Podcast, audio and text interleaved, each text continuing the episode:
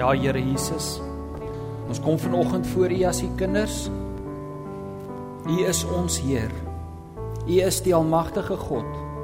En ons dankie dat U ons hier bymekaar roep om saam rondom U woord te kan vergader. Ons loof U, Here. Ons loof U. Amen. Amen. Amen. Dankie Bernard. Dankie julle. Prys die Here. Wat 'n pragtige oggend is dit nie?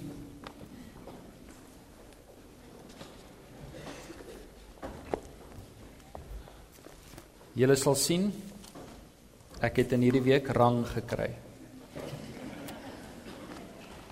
Wat my nog effens plaas dat my vrou se sandrange gehad het. So ek is nog steeds onder haar.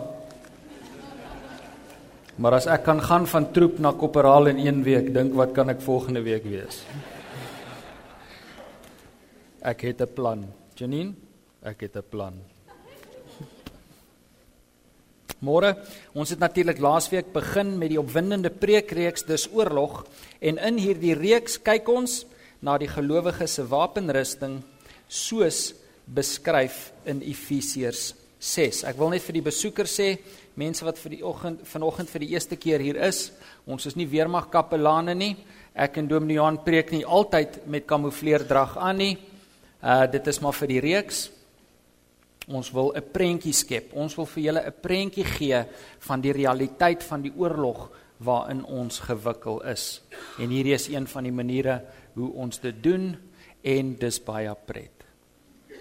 Ek voel weer 17. Lyk ek 17. Mooi, mooi.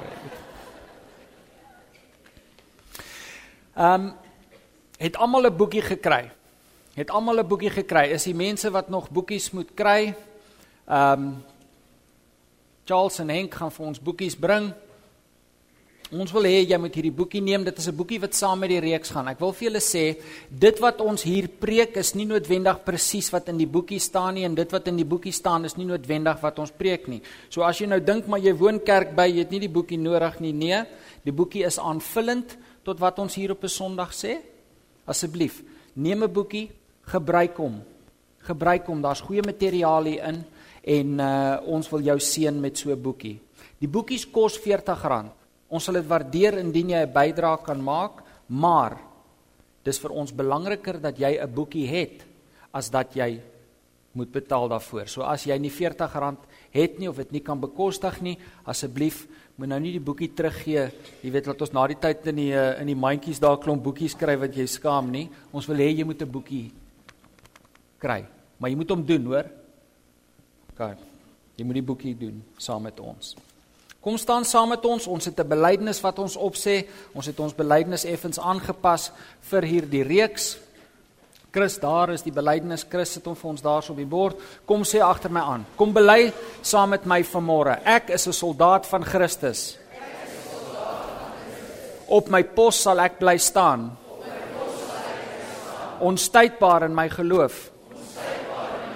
En geanker in die woord. Met my hart glo ek en met my mond bely ek dat Jesus die Here is. Amen. En net in geval jy wonder of jy met jou hart eers bely of jou hart eers glo en met jou mond bely.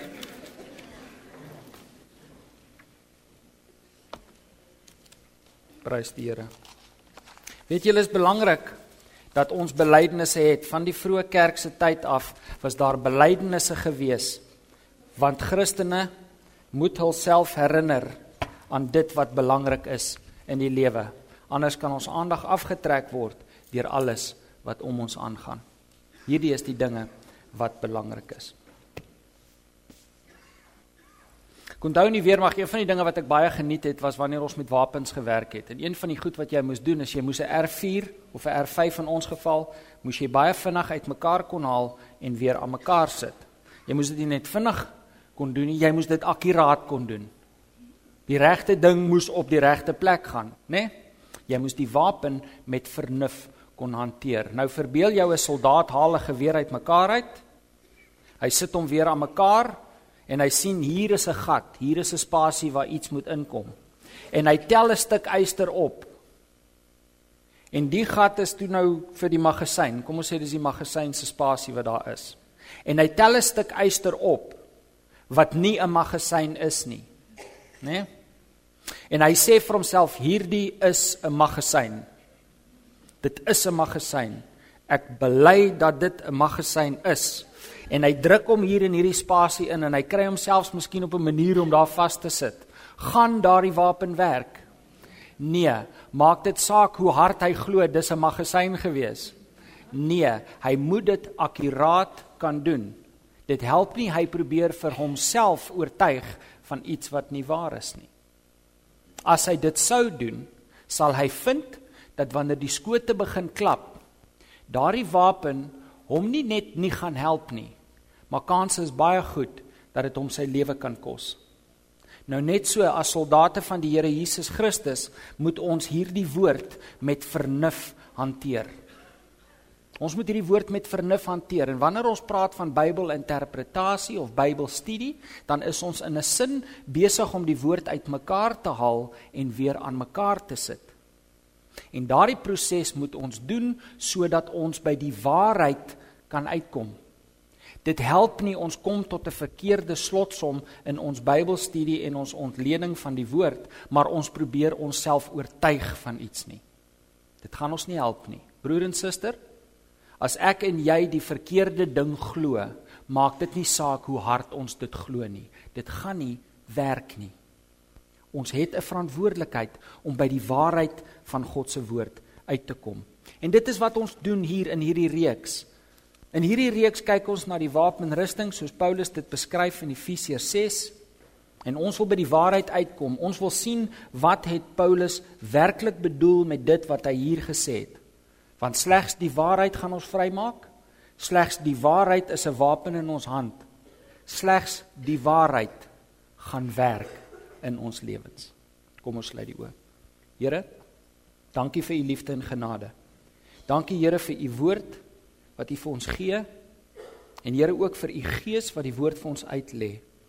Ek vra vanmôre dat dit wat die mense sal hoor, sal nie my stem wees nie, maar u stem dat dit wat vanoggend van hierdie kansel af uitgaan, Here, sal die waarheid wees omdat dit u woord is en nie myne nie. Loof en prys u. Amen. Amen. Blaai asseblief in jou Bybel saam met my na Efesiërs 6. Ons lees van vers 10 af. Ek het wapenwerk baie geniet, maar ek moet vir julle sê ek het gesukkel om wakker te bly in weermag lesings, hoor. Jo, Kyk, hierdie ouens was gekies gewees oor hulle baie push-ups wat hulle seker kon doen. Definitief nie vir hulle vernuf, jy weet in 'n klaskamer nie. So, ehm um, probeer wakker bly asseblief. Nou nie 'n troep trek op my nie. Efesiërs 6. Ons lees van vers 10 af. Verder nog dit. Soek julle krag in die Here en in sy groot mag. Trek die volle wapenrusting aan wat God julle gee sodat jy op jou pos kan bly ondanks die listige aanslae van die duiwel. Ons stryd is nie teen vlees en bloed nie, maar teen elke mag en gesag, teen elke gees wat heers oor hierdie sondige wêreld, teen elke bose gees in die lig. Trek daarom die volle wapenrusting aan wat God julle gee, sodat julle weerstand kan bied in die dag van onheil en nadat julle die stryd tot die einde toe gevoer het, nog op julle pos kan bly staan. Bly dan op julle pos. Toegerus met die waarheid as gordel om julle heupe, die vryspraak deur God as borsharnas en die bereidheid om die evangelie van vrede te verkondig as skoene aan die voete. Daarby moet julle altyd geloof as skild in die hand hê, want daarmee sal julle al die brandpyle van die bose kan afweer. Sit verlossing as helm op en vat die swaard van die gees, dit is die woord van God. Doen dit alles bidtend en smeek God by elke geleentheid deur die gees. Wees waaksaam en bid gedurig vir al die gelowiges. Ons gaan net tot daar lees. Ons ken hierdie gedeelte, die wapenrusting, soos Paulus dit aan ons beskryf. Interessant hoeveel keer hy sê bly op julle poste, né? Bly op jou pos, bly op jou pos, bly dan op jou pos. Dit is die doel van die wapenrusting is sodat ons op ons pos kan bly. Nou, die eerste stuk van die wapenrusting wat Paulus daar noem en dit is die stuk wat ons vanoggend na gaan kyk, is die gordel van waarheid. Hy sê die gordel van waarheid daar in vers 14, toegerus by die waarheid as gordel om julle heupe.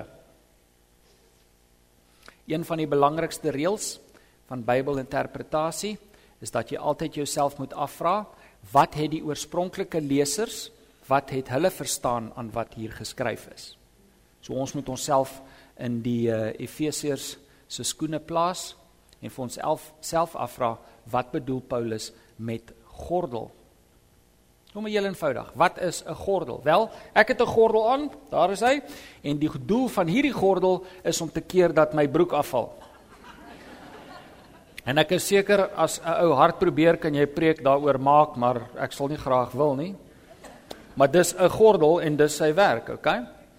Jy kry ook 'n veiligheidsgordel. Die ouens wat op konstruksieterreine werk, daar hoog op die stellasies, hy het so hulle noem dit 'n monkey chain, hy het so 'n gordel om sy middel en hy maak hom vas aan die stellasie en sou hy gly en val, dan sal dit verhoed dat hy hom doodval, né? Nee? En ek dink jy kan daaroor ook sekere preek doen. Derde soort gordel, miskien as jy 'n Engelse Bybel het, sal jou Bybel sê girdle. Girdle, né? Nee? Girdled with the truth. Nou 'n girdle is so 'n breë band wat om jou middel gaan. Hy trek jou rug in en jou maag trek hy ook in. Jy gebruik hom vir gesondheidsredes of wat ook al, miskien net om mader te lyk. Né? Nee? Maar as Engelse Bybels vir daardie woord gebruik. Of miskien as ek sê gordel, dink jy aan een van daai plastiek modebelde uit die 80s. Ja, jy kan lag. Ek weet daar's nog 'n kas of twee met een in, né? Nee? So 'n breë neon pink plastiek beld wat hier om die middel gaan met so groot bakkel.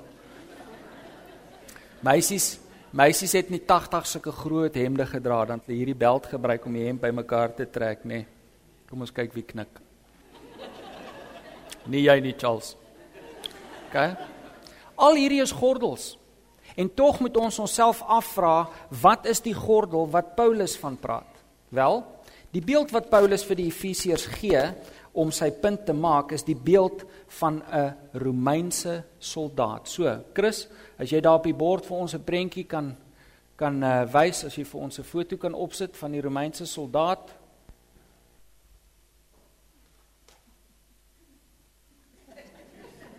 druk die knoppie Chris. Chris, het jy 'n prentjie van 'n Romeinse soldaat? Julle gaan nou 'n Romeinse soldaat sien. Dit kan enige oomblik gebeur moontlik. OK, terwyl Chris hom soek. Daar sy. Dankie julle. OK, daar's die Romeinse soldaat. Nou goed, julle sal nou van ver af nie baie mooi kan sien nie, maar jy kan sien hy het 'n helm op dan sal jy sien hier om sy middel het hy die borsharnas, is van staalplate gemaak en die borsharnas was voor en agter. Ons gaan later in die reeks daarna kyk, die lorica segmentata in Latyns, die borsharnas. Jy sal sien in sy regterhand het hy 'n spies. Daai is nie 'n swaard nie, dis 'n spies. Aan sy uh, voete is daar skoene, by sy linkerhand is die skild. En as jy mooi kyk, sal jy sien sy swaard hang op sy regter heup. Kan jy dit sien? Daar hang sy swaard op sy regter heup en jy kan dit ook nou nie baie mooi sien nie, maar die swaard is nie vas aan die gordel nie, hoor? Daai swaard hang aan 'n beltjie wat hier oor die soldaat se skouer gegaan het. En dan voor sy uniform sien jy 'n ding wat lyk soos 'n leer voorskoot wat in repe gesny is. Lyk soos 'n leer voorskoot, hy's in repe gesny en hy het sulke geel koper munte lyk dit wat daaraan hang. Daardie is die soldaat se gordel. Daardie leervoorskoot wat hy dra, is die soldaat se gordel en dit is die enigste gordel wat die Romeinse soldaat gedra het. So ons weet dit is waarvan Paulus praat. Nou goed, daardie gordel het 'n seremoniële dolk gehad op die linkerheup. Daardie dolk is nie meer dis nie vir beklei nie. Dis net seremonieel, dis net vir die mooi. OK? Nou goed. Nou as ons kyk na hierdie soldaat, dan is daar iets wat ek vir julle moet sê. Twee van die stukke van daardie wapenrusting het die soldaat altyd by hom gehad.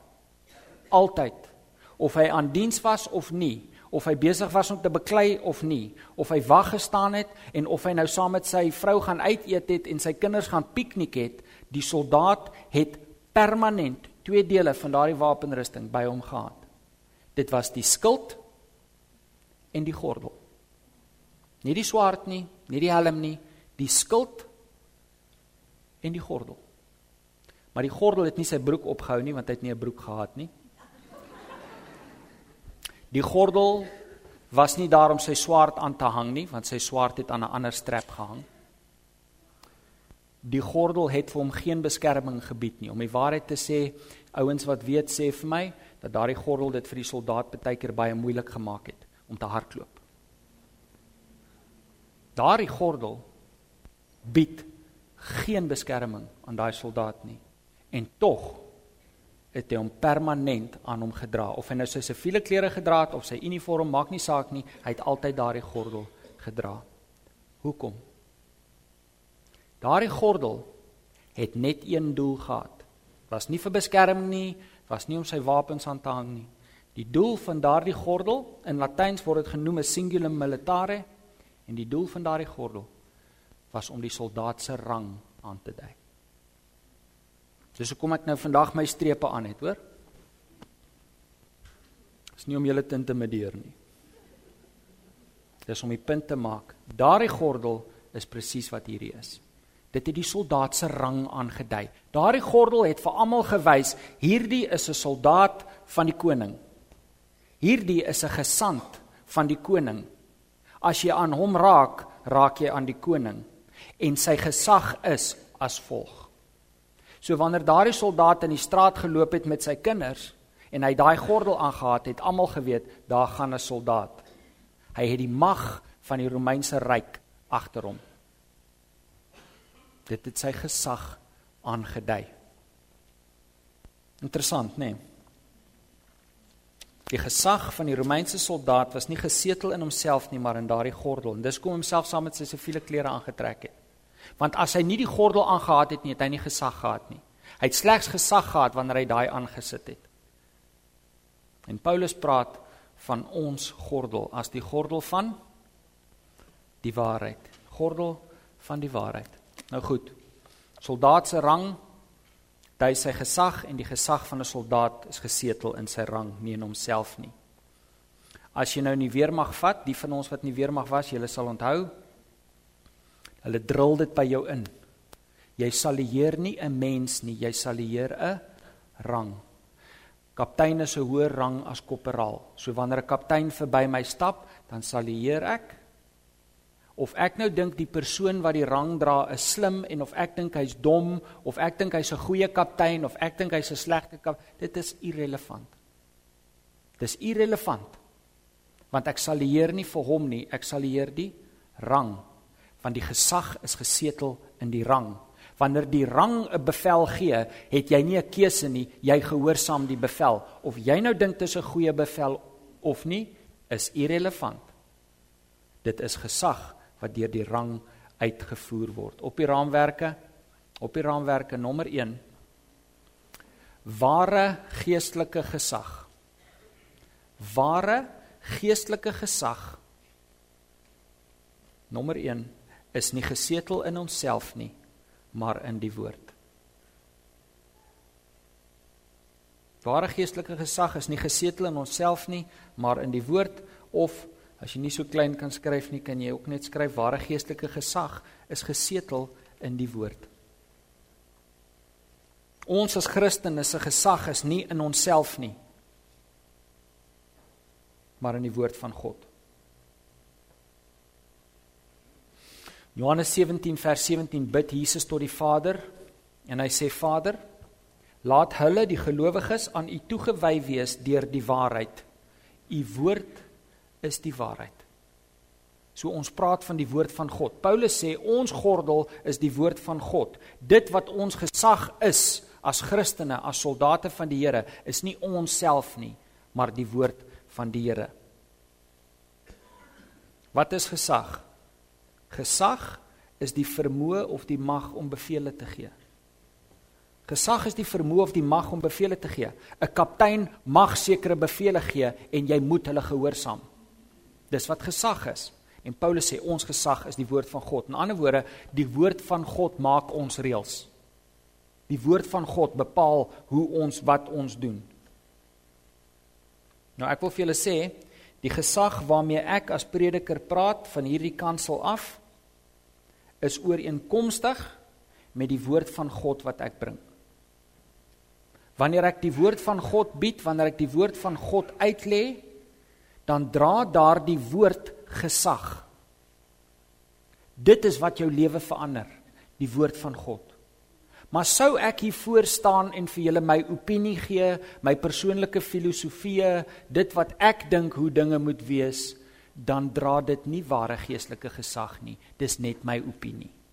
Ek hoop dit kan vir jou miskien tot waarde wees. Ek het daarom, jy weet, 'n bietjie lewensondervinding.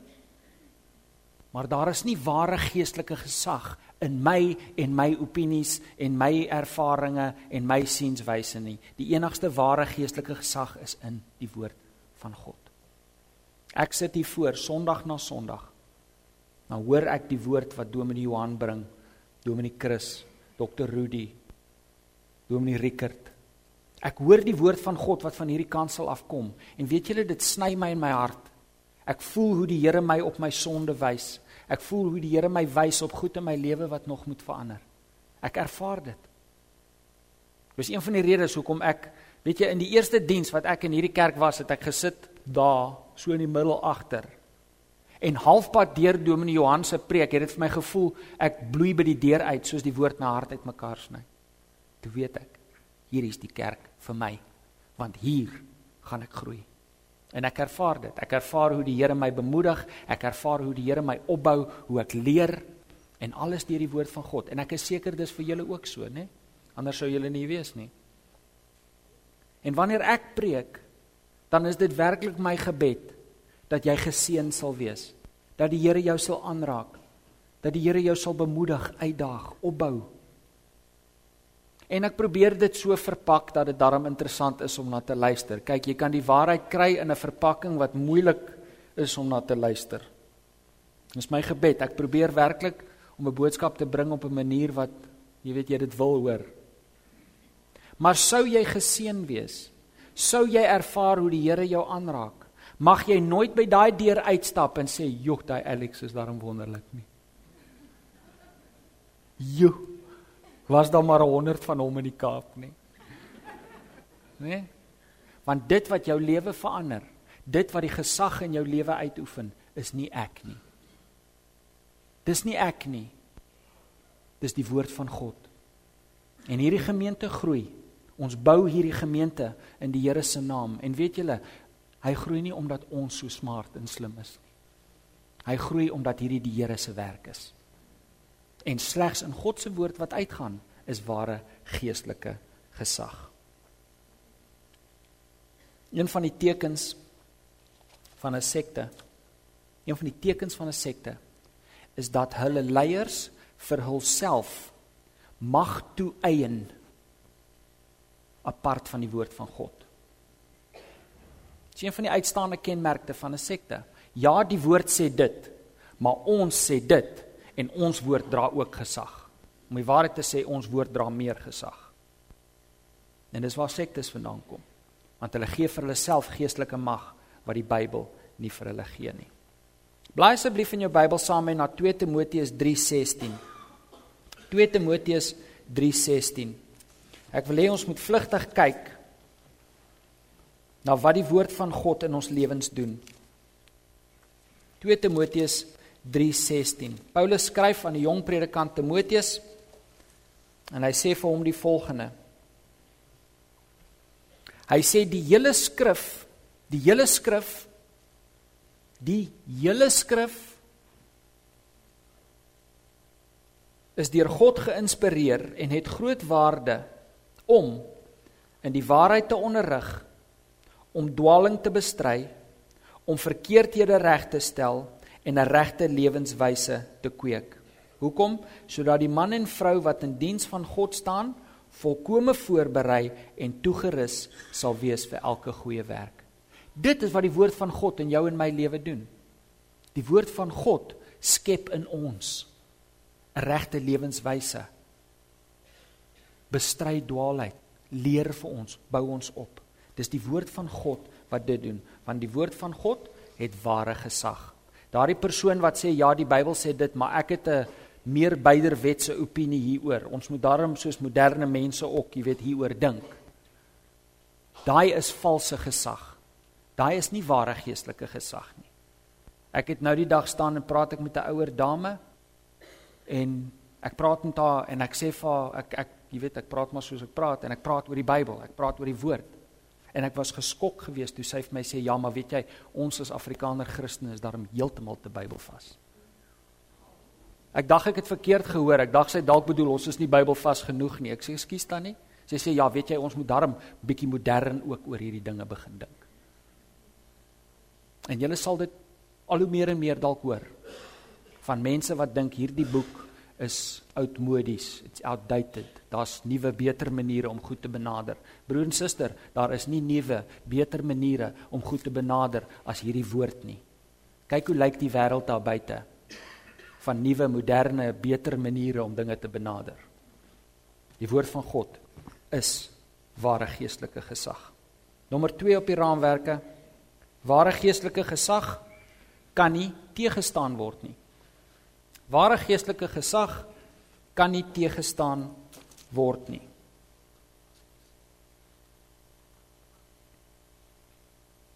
Wat is die gesag van die woord? Ons het 'n ons het 'n 'n sê ding in die besigheidswêreld. Ek is seker julle ken dit ook. As ons wil weet watter pos iemand in 'n firma bekleed, dan sal ons vra waar's hierdie ou op die food chain, né? Nee? Waar's hy op hierdie leer? Laat ek laat ek weet hoe ek hom moet benader. Nou op dieselfde manier kan ons met respek vra waar's die woord van God op die food chain van gesag? Watse gesag dra die woord van God? Is daar menslike gesag wat hoër is? Is daar kerklike gesag wat hoër is? Ag ek is so bemoedig iemand het nee gesê prys die Here. Die antwoord is nee. Jy slaag die toets, suster. Psalm 138 vers 2. Hoor wat sê Psalm 138 vers 2.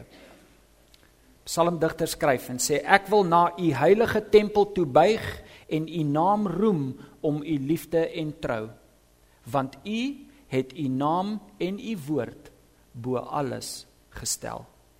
U het u naam en u woord bo alles gestel. Die Hebreëus sê letterlik, Here, u het u naam en u woord saam verhef bo alles. Bo alles. Die woord van God is op dieselfde gesagsvlak as God se naam, in ander woorde as God se wese self. God en sy woord kan nie geskei word nie. In die begin was die woord En die woord was met God en die woord was God. Jesus Christus self word beskryf as die woord. En ek wil vir jou sê broer en suster, die manier hoe ons die gesag van die woord aanvaar of teestaan is hoe ons die gesag van die Here Jesus Christus self aanvaar of teestaan. Want God en sy woord kan nie geskei word nie. Ons gee nie aan die woord gesag wanneer ons daarna luister en ontneem die woord van gesag wanneer ons dit teestaan nie. Die woord se gesag is absoluut. Nou goed, ons kan onsself ons kan onsself probeer verset teen daardie gesag.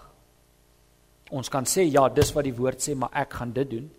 Dan is ons net soos daai ou met die magasyn of kamma magasyn, né? Nee? As ek en jy onsself verset teen die woord van God, is ons soos daardie ou wat 'n ding maak pas waar hy nie hoort nie en dan vir onsself flous en dink dit gaan werk. Dit gaan nie werk nie. Dit maak nie saak hoe hard jy dit glo nie. Ek het 'n vriend, ek praat met hom oor die Here en hy wil niks weet nie en ek kan hoor in die argument wat hy vir my gee dat hy in sy hart weet daar's 'n God. Hy weet hy gaan voor daardie God se troon eendag staan, maar hy dink dat as sy argument net goed genoeg is, dan gaan die Here moet verstaan. Ek kan hoor hy hy het 'n hele argument wat hy opgelyn het. Hy dink as sy argument net goed genoeg is, dan sal die Here verstaan. Nee, net die waarheid sal werk. In tye van oorlog as 'n offisier 'n wettige bevel gee aan 'n soldaat en die soldaat weier om daardie opdrag uit te voer dan word daar 'n hofsaak gehou, baie keer nie eers 'n hofsaak nie en daardie soldaat word tereggestel, né nee, Jon? Daardie soldaat kan tereggestel word net daar as hy die wettige gesag weier om te gehoorsaam. Ek het 'n storie gelees, ek's baie lief vir militêre geskiedenis en ek het 'n spesifieke storie gelees van 'n geveg in die Eerste Wêreldoorlog waar die offisier vir die soldate gesê het om uit die loopgraaf te klim en te hardloop en een soldaat het geweier want die bomme het hier gereën om hulle. En die offisier het sy pistool uitgehaal, hom oorgehaal en die soldaat doodgeskiet. En dit was gebruik as 'n voorbeeld van hoe ons, jy weet, gesag uitoefen in die weermag daai tyd. Nou goed, ons doen dit nou nie meer so nie, maar die beginsel is duidelik. Jy verontagsaam wettige gesag. En raai wie gaan tweede kom. Nie die gesag nie. Net so met die woord van God. Ons kan nie wettige gesag teestaan nie. Niemand kan die wettige gesag die ware gesag van die woord van God teestaan en dink hy gaan wen nie.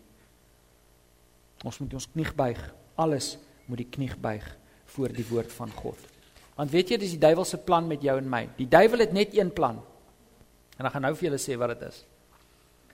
Julle weet wat die duiwel se plan is. Duiwel het net een plan hoor, hy hy's nie kreatief nie. God is kreatief, die duiwel's nie kreatief nie. Ek wil dit net vir jou sê. Hy het net een plan en dwars deur die Bybel sien jy dieselfde plan oor en oor en oor en oor en oor wat hy uitoefen. En sy plan is dit. Sy plan is om jou te kry om die ware gesag van die woord te verontagsaam. Dis al. Baie eenvoudig. Die duiwel wil hê jy moet nie doen wat God wil hê jy moet doen nie. Die duiwel wil hê jy moet doen wat hy wil hê jy moet doen. En hy doen dit deur valse gesag uit te oefen. Op die raamwerke nommer 3.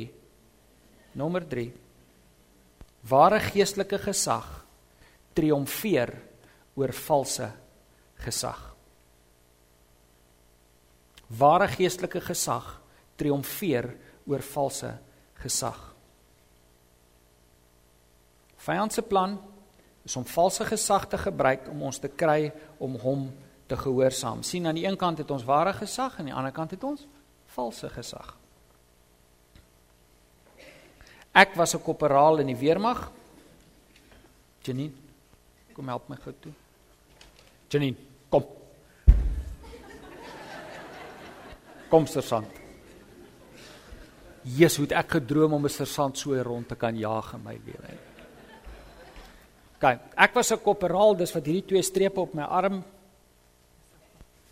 beteken. En dit het aan my sekere gesag gegee. Daar was sekere goed wat ek kon doen, wat ek mag gedoen het. En wanneer ek daardie gesag uitgeoefen het, dan kon ek verseker wees ek het die hele weermag agter my, né? Nee? Want ek was 'n korporaal, ekskuus. Ek was 'n korporaal van die weermag. Maar sê nou, Ek het vir my 'n stel van hierdie in die hande gekry soos ek gedoen het vanmôre. Nou die wat nie weet nie, hierdie is kapteinrange. OK? So die food chain gaan so. Skutter, onderkorporaal, korporaal, sersant, stafsersant, tweede samejeur, eerste samejeur, tweede luitenant, eerste luitenant, kaptein. OK? majoor, kommandant, kolonel en so voorts. So julle kan sien, ek het so pas 'n vet promotion gekry, né? Ek het vir julle gesê ek het 'n plan. Nou right, so kom ons sê nou ek het vir my 'n stel van hierdie in die hande gekry en ek stap daar by 'n weermagbasis in. Lyk ek soos 'n kaptein? Right, ek kan tot loop soos 'n kaptein, okay? En ek loop op die basis in en ek begin die ouens rondorder. Sommige sersante en enige ding. Hulle moet nou maak wat ek sê. Maak koffie, doen dit. Jy lyk nie mooi nie. Skoene is nie gepolish nie. Doen toe nog push-ups. Nou, uh, gaan hulle doen wat ek sê. Ja, hoekom? Want ek lyk soos 'n kaptein. Maar is ek 'n kaptein? Nee. Hierdie korporaalstrepe is ware gesag. Hierdie is valse gesag. Dit lyk soos gesag, maar dit is nie. En al wat ek kan doen op daardie weermagbasis is rondloop en vir mense lieg en hoop hulle val daarvoor. En dis presies wat die duiwel met jou en my doen. Hy loop rond en lieg en hoop ons gaan val daarvoor. Broer en suster, die duiwel het nie ware geestelike gesag nie. Die duiwel kan jou nie maak enige iets doen nie. Al wat hy kan doen is vir jou lieg en hoop jy val daarvoor. Dis presies wat hy met Eva gedoen het en met Adam gedoen het. Wat het hy met Adam en Eva gedoen? Hy het hulle nie gemaak iets doen nie. Hy het net vir haar gelieg. Het God regtig dit vir jou gesê? En toe die twyfel gesaai is in Eva se hart, toe sien hy die deal en sê van nee nee nee, die Here praat nie die waarheid nie. God wil nie hê jy moet die vrug eet nie, want dan gaan jy net soos hy wees. Hy lieg vir haar en hoop sy gaan val daarvoor. En sy doen. En net so kan jy deur die Bybel gaan kyk na al die sonde wat mense gepleeg het. Dit was dieselfde plan. Broer en suster, daar's net een plan wat hy het. Hy lieg en hoop ons gaan val daarvoor. Blaai asseblief in jou Bybel saam met my na Johannes 8. Die Bybel sê die duiwel gaan rond.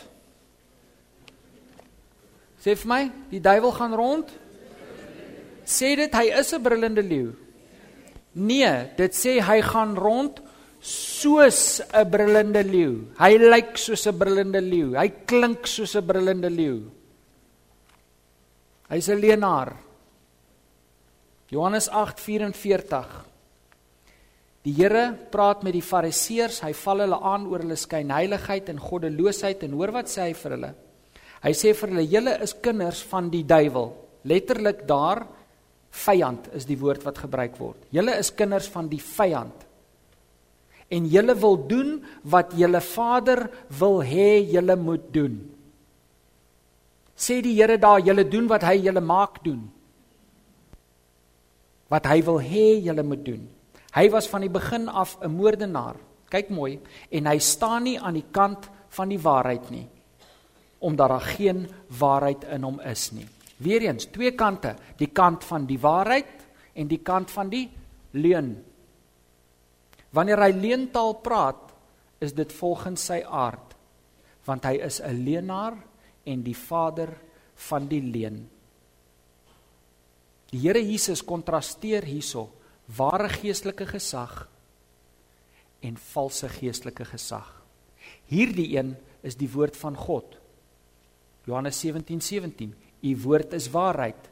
Die duiwel se gesag is valse gesag. Dis 'n leuen, dit is nie waar nie, want daar is geen waarheid in hom nie. Die duiwel se enigste mag is om vir jou en my te lieg en te hoop ons val daarvoor. Broer en suster, in hierdie stryd waarin ons gewikkel is, is daar baie stemme. Daar's baie stemme, daar is baie mense wat baie dinge sê. Maar ek en jy ek en jy het 'n verantwoordelikheid om by die waarheid uit te kom. Ons moet hierdie geweer van ons, hierdie wapen van ons, moet ons hanteer met vernuf. Dit is hoekom ons Bybelstudieboekie skryf. Dit is hoekom ons vir jou aanmoedig om by 'n Bybelstudiegroep aan te sluit sodat jy kan leer hoe om hierdie wapen te hanteer, uitmekaar te haal, aan mekaar te sit, sodat jy by die waarheid kan uitkom van God se woord, want dit is slegs die waarheid wat ons gaan help. Kom ons hou ons oë oop. Kom ons hou ons ore oop. Kom ons bly staan op die gesag van die woord van God. Kom ons hou hierdie woord voor as ons gesag. Ons roem nie in onsself nie. Ons maak nie reëls nie. Ons roem in die Here Jesus Christus en laat sy woord toe om die reëls te maak. Wanneer ek met iemand praat oor sy siel, is dit die woord van God wat my die reg gee om met hom te praat. Ek sê nie vir hom jy moet smart wees soos ek nie. Ek sê vir hom dis wat die woord van God sê. Daarin lê jou gesag as 'n soldaat. Ek wil vir jou sê, jy hoef nie slim argumente aan mekaar te kan sit om die leuen te te staan nie. hou die woord van God voor. En die waarheid sal seëvier. Elkeen van ons het so 'n groen blaadjie gekry. Ons gaan nou gaan ons die video weer kyk. Die belydenis video wat hierso op staan. En ek wil hê soos ons dit kyk, wil ek vir jou vra, maak 'n gebedsaak daarvan. Maak 'n gebedsaak daarvan. En as jy voel jy's in, as jy besef die Here roep jou op tot hierdie stryd saam met ons, dan wil ek jou aanmoedig, vul die blaadjie in. Gee dit vir ons. Dit is net nog 'n manier om jou hand op te steek en sê Here, die gordel van waarheid sal ek altyd altyd dra. Amen. Amen. Dankie Chris.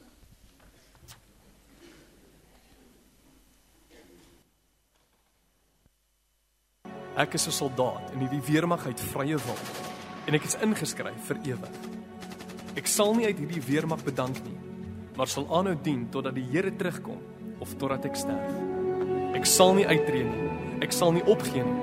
Ek sal nie gemanipuleer word deur mense of geïntimideer word deur die vyand nie. Waar my bevelvoerder my nodig het, daar sal ek dien. Of dit nou by die Sondagskool of by die koffietafel is, by die Gideons of by my werk, waar die geleentheid gegee word om die koninkryk te help uitbrei, daar sal ek wees. God kan my gebruik omdat ek myself beskikbaar stel. Ek is 'n soldaat. Ek is nie 'n baba nie. Ek hoef nie gepamper lank te word nie. Ek hoef nie gestreel, gevlei of soos 'n kleintjie met 'n lepel gevoer te word nie. Niemand hoef my te roep, te herinner, te soebat of te smeek nie. Ek is 'n soldaat. Ek is nie 'n lafaard nie. Ek is op my pos te ere van my koning. Ek gehoorsaam sy bevele. Ek loof sy naam en ek help bou aan sy koninkryk. Niemand hoef vir my blomme te stuur, geskenkies aan te dra of lekkers uit te deel nie. Ek is toegewyd sonder die hoop van aardse beloning. My gevoelens kan nie so seer gemaak word dat ek opgee nie. Ek kan nie so mismoedig word dat ek uittreë nie. Ek kan nie soveel verloor dat ek my rug sal draai op my koning of my eenheid nie. Toe die Here Jesus my geroep het tot hierdie weermag, het ek niks gehad nie. Ek was niks. Nou is ek iemand en ek het alles. My lewe maak saak. Ek is meer as 'n oorwinnaar. Ek triomfeer. Om my bevelvoerder en my medesoldate te dien, kan my nie moeg maak nie. Die vlees kan my aandag nie aftrek nie. Mense kan my nie van stryk bring nie. Siekte kan my nie keer nie. Geld kan my nie koop nie. Regerings kan my nie stil maak nie en die vyand self kan my nie verslaan nie, want ek is 'n soldaat van die Here. Al verloor ek elke aardse besitting, al verloor ek my lewe, bly ek steeds 'n wenner. Ek kan alles vermag in Christus Jesus. Selfs die dood kan my nie oorwin nie. En wanneer ek wel eendag hierdie slagveld van die lewe verlaat, sal ek bevorder word tot kaptein en saam met my bevelvoerder regeer. Ek is 'n soldaat in sy weermag en ek marseer altyd vorentoe. Elke plek waar ek die sool van my voet plaas, is die Here God se grondgebied. En ek sal nie 1 meter van hierdie grondgebied afstaan in die vyand nie, want ek gee nie op nie. Ek is 'n soldaat. Prys die Here. Kom ons sluit die oë. Here Jesus, dankie dat ons opgeroep is tot hierdie stryd. Dankie dat U ons bemagtig deur U Gees. Ek vra Here dat U ons sal wys wat is die waarheid? Wat is die leuen? Ek vra Here dat U vir ons die moed sal gee om staande te bly. Om altyd die gordel van waarheid voor te hou as hoogste gesag om U naam se eer. Amen.